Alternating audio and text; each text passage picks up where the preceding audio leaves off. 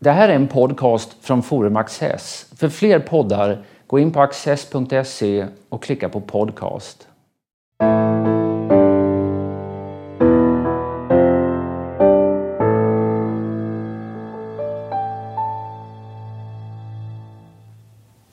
Välkomna till Studio Access. Eh, idag ska vi prata om ekonomin. Det är ett eh, stort och komplicerat område med många lösa trådar och för att bringa lite ordning i dessa har vi bjudit hit Henrik Mittelman.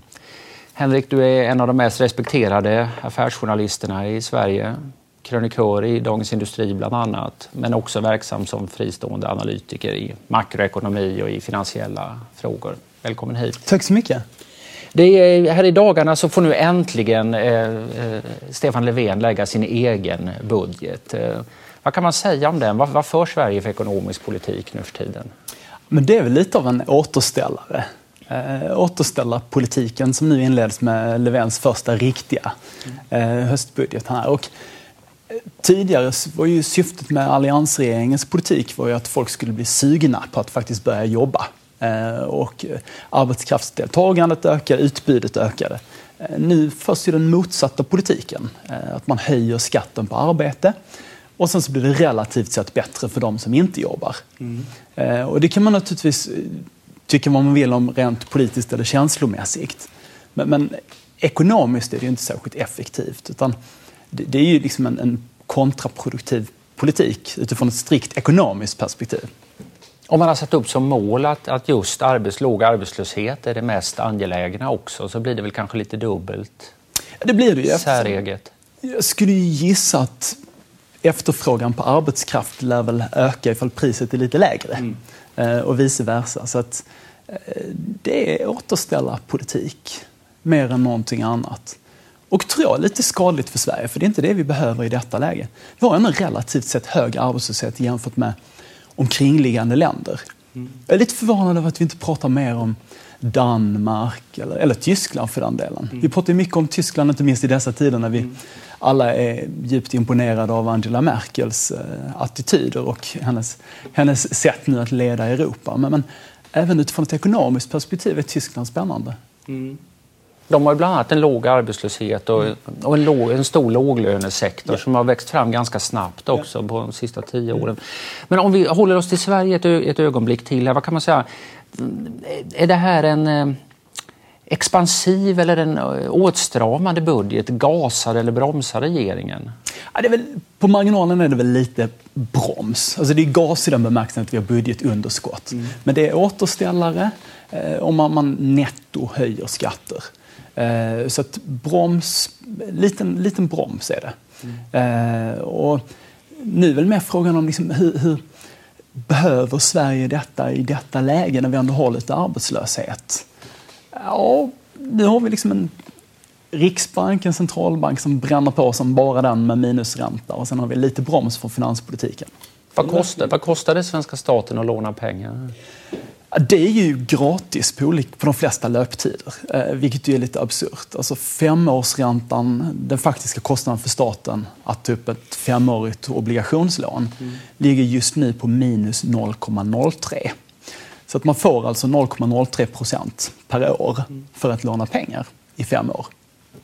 Eh, man kan även ta upp sådana här realränteobligationslån eh, som, som också är på minus. Som är liksom, det är den faktiska kostnaden för staten att låna pengar. Och då finns det ju de som kritiserar den här inriktningen och säger att nu borde man ta chansen och det finns stora investeringsunderskott i mm. infrastruktur och vad det nu kan vara för någonting. Eh, och här borde man blåsa på lite. Vad, vad tänker du om det? Ja, men jag tror att det är en sympatisk tanke. Eh, och det är ju attraktivt på något sätt. Alla vi som, som åker tåg då och då vill ha en annan, ett annat spår och sådär. Och det, det, kan man ju förstå. Men det paradoxala nu när priset på pengar är så lågt, det är ju att även sådana där helt vansinniga projekt, eh, som att liksom bygga en bro mellan eh, Ystad och Polen, det hade ju varit lönsamt från dag ett. Och det är ju inte klokt. Alltså, det, är det, är inte rimligt. Liksom. Det är inte rimligt. Det ska inte vara lönsamt att bygga en bro mellan, mellan Ystad och Polen.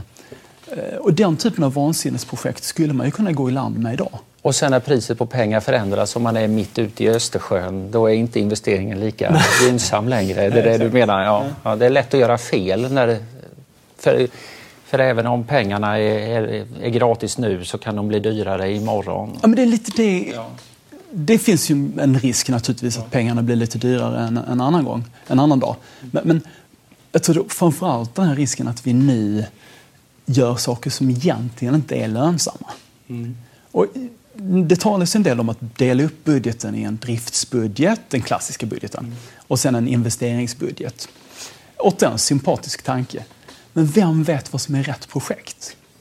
Ett annat sätt då skulle ju vara att man säger att staten fattar ett rätt litet antal beslut och det är hyggligt stor risk att det blir fel beslut. Man kan ju stimulera ekonomin på ett omvänt sätt. Så att om du sänker skatterna istället så får ja. hushållen mer pengar att röra sig med och fatta miljontals olika beslut ja. själva. Fast det kanske bara slutar med att alla hus blir ytterligare en miljon dyrare. Ja, nu går det ju inte att ta bort fastighetsskatten en gång till då. Mm. Men, men eh, det, vi, det som händer nu är ändå att det blir dyrare att arbeta. Mm. Och det är ju lite märkligt när de flesta andra länder går i en annan riktning. Mm. Eh, sen återigen, sen är det en politisk diskussion om det där, men strikt ekonomiskt mm. så är det ju lite märkligt att vi går i den, att vi går i den riktningen idag. Inte minst eftersom vi ändå har en ganska hög arbetslöshet. För komma tillbaka lite till detta, men tänk, Sverige, de som har styrt skutan här nu, de är ekonomiskt, de har navigerat efter två stjärnor kan man säga. Det, det har varit eh, överskottsmålet i statsfinanserna och det har varit inflationsmålet som Riksbanken då har haft att navigera efter. De har haft varsitt kan man säga. Finansdepartementet har navigerat efter överskottsmålet, Riksbanken har navigerat efter det här inflationsmålet. Är de där nu vägledande i klara polstjärnor eller börjar de bli svarta hål de här? Eh, ja, men jag tror att man har segrat ihjäl sig. Eh, och nu vet man inte riktigt vad man ska göra. Och, och, jag menar, överskottsmålet kommer ju sig eh, som bekant av att vi, vi hade enorma underskott i budgeten på, på 70, 80 och början av 90-talet.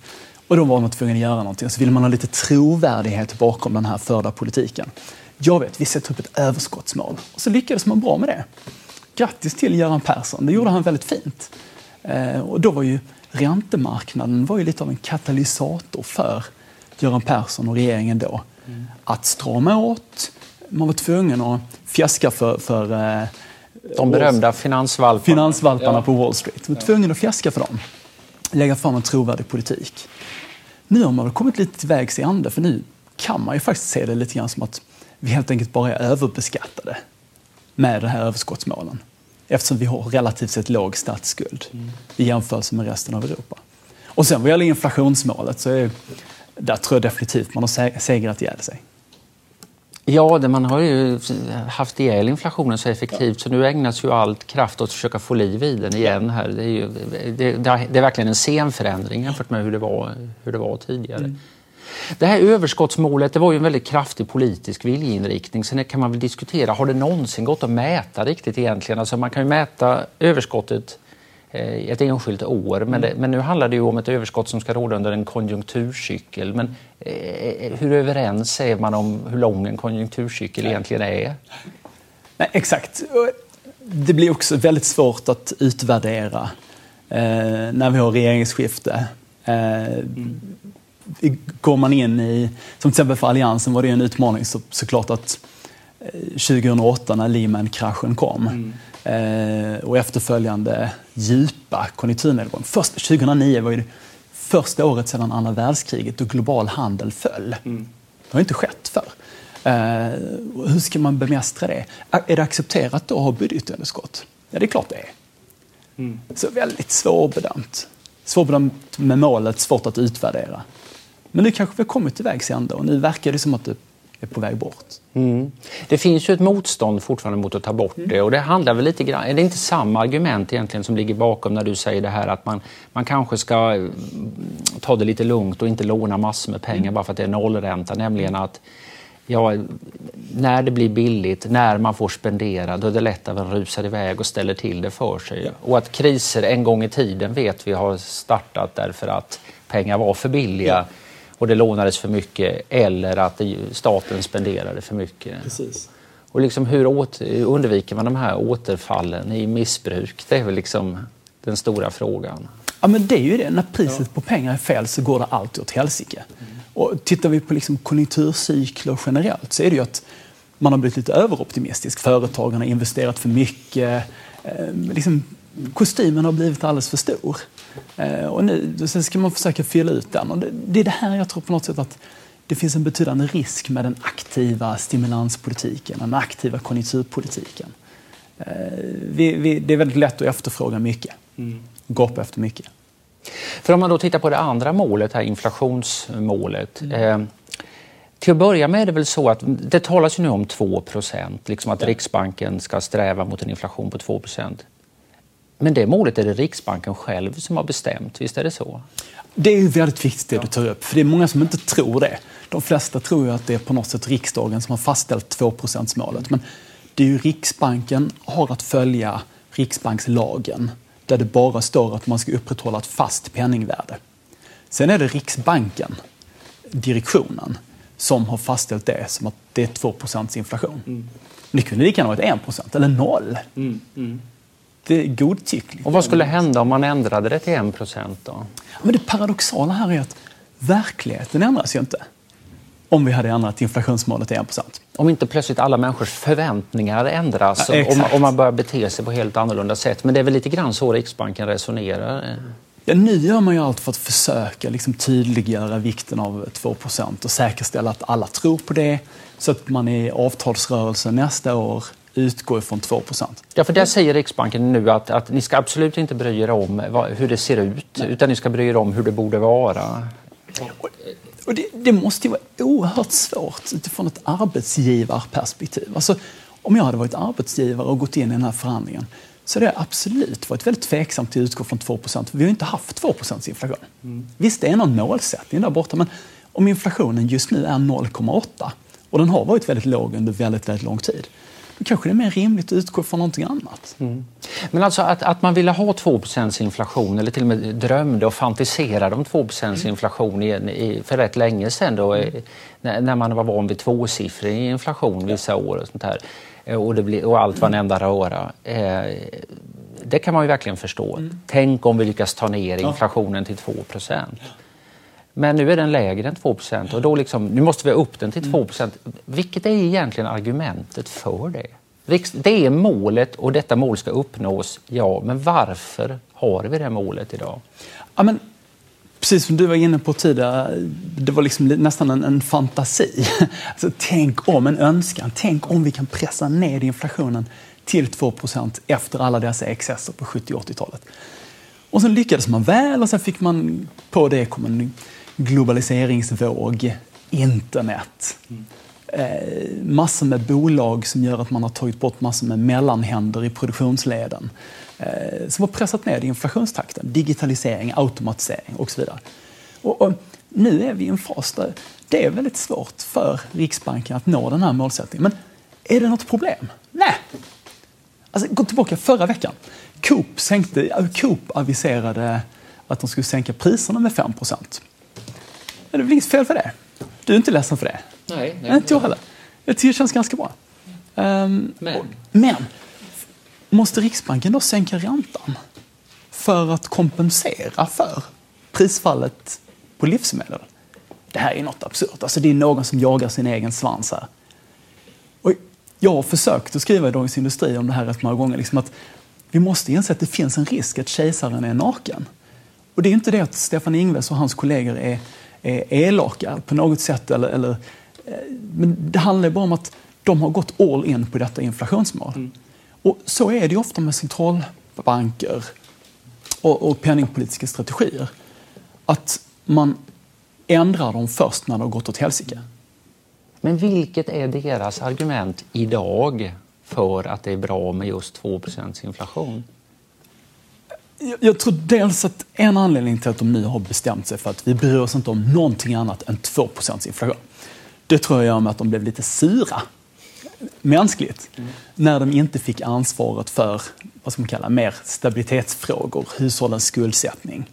Utan det menade regeringen med Anders Borg då som finansminister, mm. att det ska gå till Finansinspektionen istället. Och det har ju visat sig vara lite sisådär just nu, men det kanske blir bättre framöver. Men, men då verkar det som att Stefan Ingves bestämde sig för att ja, då, då, då, då ägnar jag mig min tid bara åt att lyfta inflationen till 2% Jag ställer in autopiloten på 2 Och det är klart att Riksbanken kan lyfta inflationen. Men det är fortfarande inget argument för att det ska vara just 2 Nej, nej, nej, men. Alltså, anledningen till att man införde det då för, för lite drygt 20 år sedan, det var ju det här Tänk om vi kunde komma till 2% Ja, just det. Men nu är vi på andra sidan. Nu är vi på andra sidan. Ja, och, och vilket är då argumentet annat än att vi har det som... Det är vårt mål och därför ska vi uppnå det.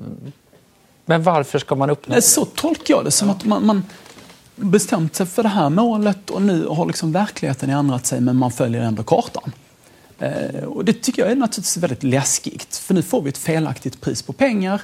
Eh, och vi talade tidigare om om den här bron mellan, mellan Ystad och, eh, och Polen. Mm. Lite där är vi ju på fastighetsmarknaden för oss konsumenter eller för hushåll. Minusräntan, gratispengar, samtidigt som ekonomin växer. Mm. Det enda som är krisartat i Sverige idag, det är ju räntan. Det är en ränta som hade tänkt sig i den djupaste lågkonjunktur normalt sett. Ja, Eller inte ens det, det har aldrig varit minusränta. Deflationsartad ekonomi. Ja. Och där är vi ju inte. Menar, vi ser ju gång på gång överhettningstendenser i svensk ekonomi. Vi kan ju titta på liksom statistik och sådär. Detaljhandeln ökar med 6 på årsbasis. Det är inte så dåligt va? Eh, men sen kan man även se sådana här, som jag tycker är lite roligt att hitta, liksom, överhettningstendenser som att här nere på Hamngatan i Stockholm, i centrala Stockholm, har man nu precis öppnat en restaurang, lite fine dining för hundar. Really? Ja. Det är också lite sådär, det är sånt vi kommer att skratta åt om några år. Eh, 2008, före Lehman-kraschen, då var det hundyoga på Valhallavägen. Det har inte så mycket med ekonomi att göra, men kanske att det är lite överhettningstendenser och man ser ju dem överallt. Va? Champagnekonsumtionen är uppe på sina absoluta toppnivåer. Eh, det går bra för Sverige. Men värst av allt, det här är ju mest på skoj med hundmode och hundyoga, eller hundrestauranger, hundyoga. Men det värsta är ju skuldsättningen. Alltså, nu accelererar hushållens skulder. Mm. Vi har i snitt 1,75 årslön i skuld. Eh, och högsta någonsin, bland de högsta skuldsättningsgraderna i världen. Och skulderna accelererar. En sak är om skulderna bara tuffar på i linje med löneökningar. Mm. Ja, men då, låt oss hålla det här då ett tag och sen hoppas vi att det kan gå nedåt. Men då pågår en sorts chicken race här mellan Riksbanken och, och eh, regeringen kan man säga. Mm. När, eh, när eh, Riksbanken säger att det där är inte alls bra, för det säger de hela tiden ja. nu också.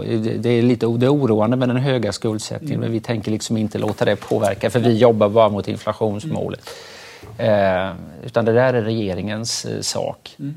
Eh, och, och, regeringen har väldigt svårt att liksom samla sig till vettiga ja. åtgärder. För det är inte så poppis? Nej, det är, det är ju den som... Var det, det var någon riksbankschef som sa det, liksom att det är riksbankschefens jobb är att bära ut eh, bålskålen när festen är som roligast.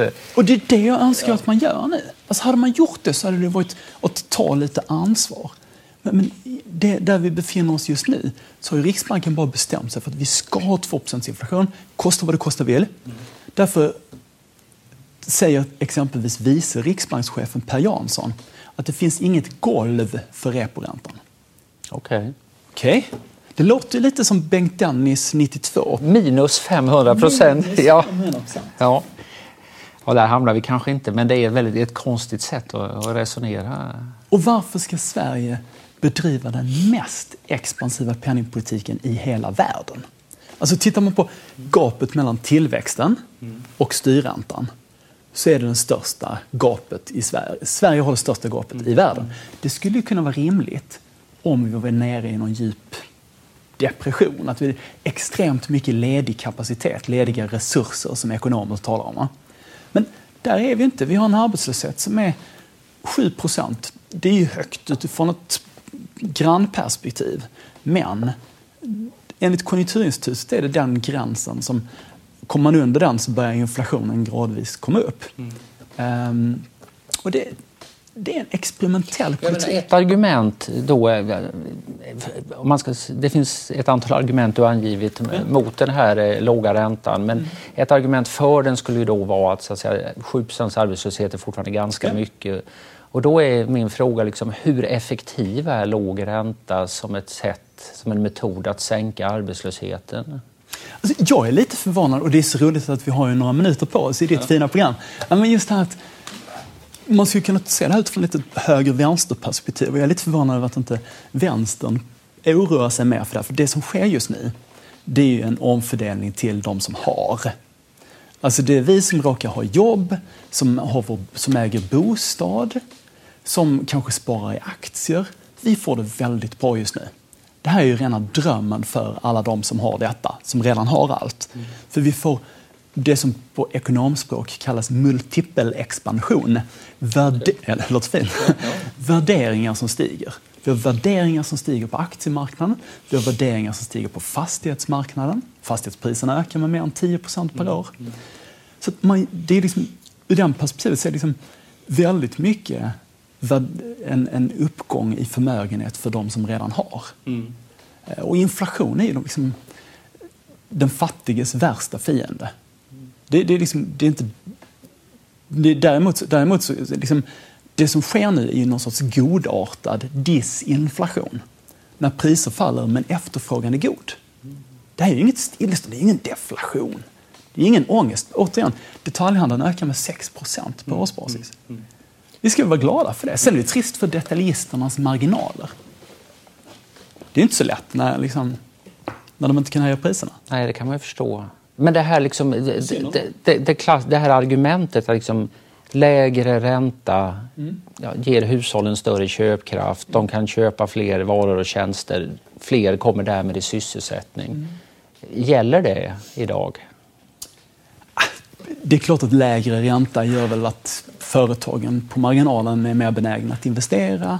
Eh, men det problemet just nu, om vi tar det utifrån ett globalt perspektiv, för det är inte bara Sverige som har låga räntor, så har ju företagen använt de låga räntorna i hög grad för att låna pengar och köpa tillbaka egna aktier.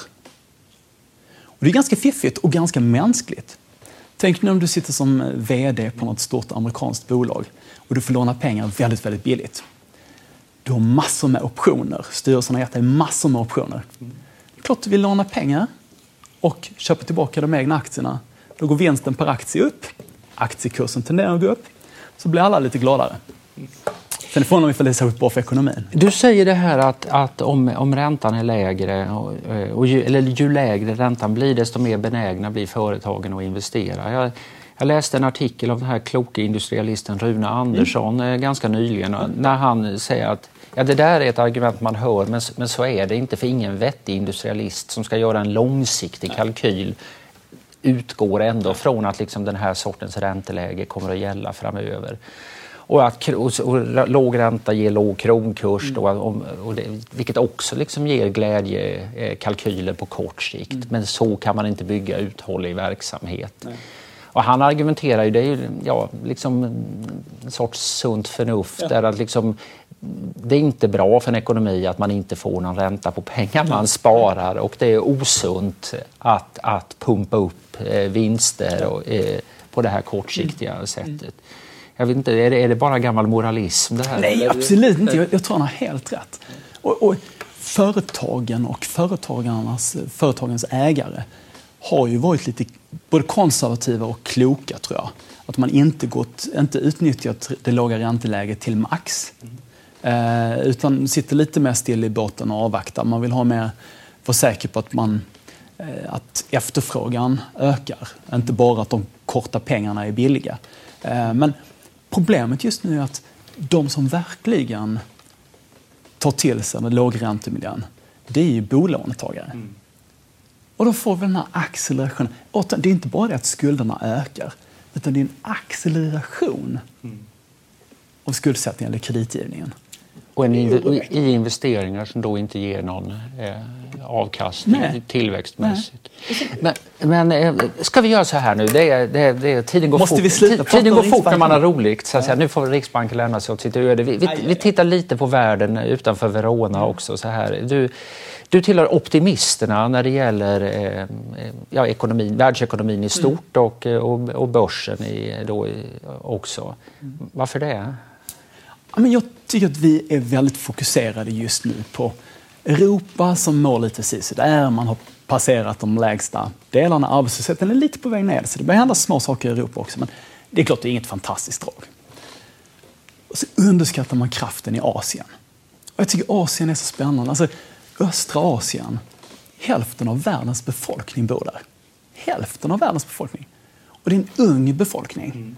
Och de, området, regionen, växer med 7 på årsbasis med BNP-tillväxt på 7 Det är Kina, det är Indonesien, Filippinerna, ja, Thailand. Du tar med Indien också. Det växer i år med kanske 7,5 procent. Mm. Mm. Uh, liksom, det är sån kraft i det. Och så är det så ung befolkning. Och så tänker man den här lite upphinnareffekten. Det är ofta den lätta fasen som många av de här länderna går in i.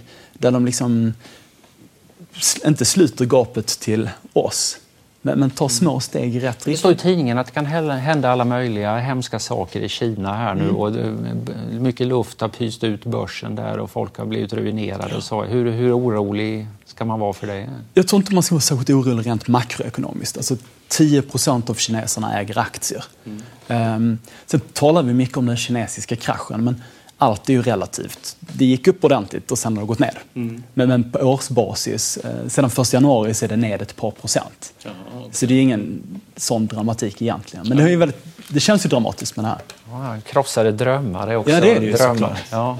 Ja. Eller också krossade möjligen. Eh, men, du, men, eh, men den kinesiska ekonomin är så mycket annat menar du? Det talas mycket om här att det har byggts miljontals lägenheter på späck som det inte finns hyresgäster till. Spökstäder och allting. Det, det, en och annan obalans kan behöva rättas till där. Det är möjligt att, ja. att det finns överkapacitet på sina håll, definitivt. Men, men tittar man på, på utvecklingen så det finns anledning att vara lite försiktig innan man dömer ut hela Kina. Alltså, nu talas det om eh, en krasch i Kina, inte bara en börskrasch utan risk för recession eller djup lågkonjunktur i Kina. Alltså, detaljhandeln växer med 11 procent på årsbasis. Ganska kul för H&M. Det är det här man har talat om, liksom, att de, kineserna måste börja konsumera mer för att balansera om ekonomin. Ja. Och det är ju den uttalade strategin, att det ska bli den inhemska efterfrågan som driver ekonomin att Kina inte längre bara är producenten av krimskrams till, till oss i väst. Och jag tror man är på väg dit. Långsamt. Sen finns det andra utmaningar. Jag, tyckte, jag läste din fina tidning Access, eh, intressant reportage i eh, denna senaste numret. Mm. Om liksom korruptionsproblematiken och mänskliga rättigheter som ju åsidosätts. Eh, men om vi bara pratar strikt ekonomiskt, krasst ekonomiskt, så tror jag att den delen av världen har, har världens förutsättningar. Mm. All right. Henrik Mittelman, stort tack för att du har varit med. Det är jag som tackar. Och stort tack för att ni har tittat.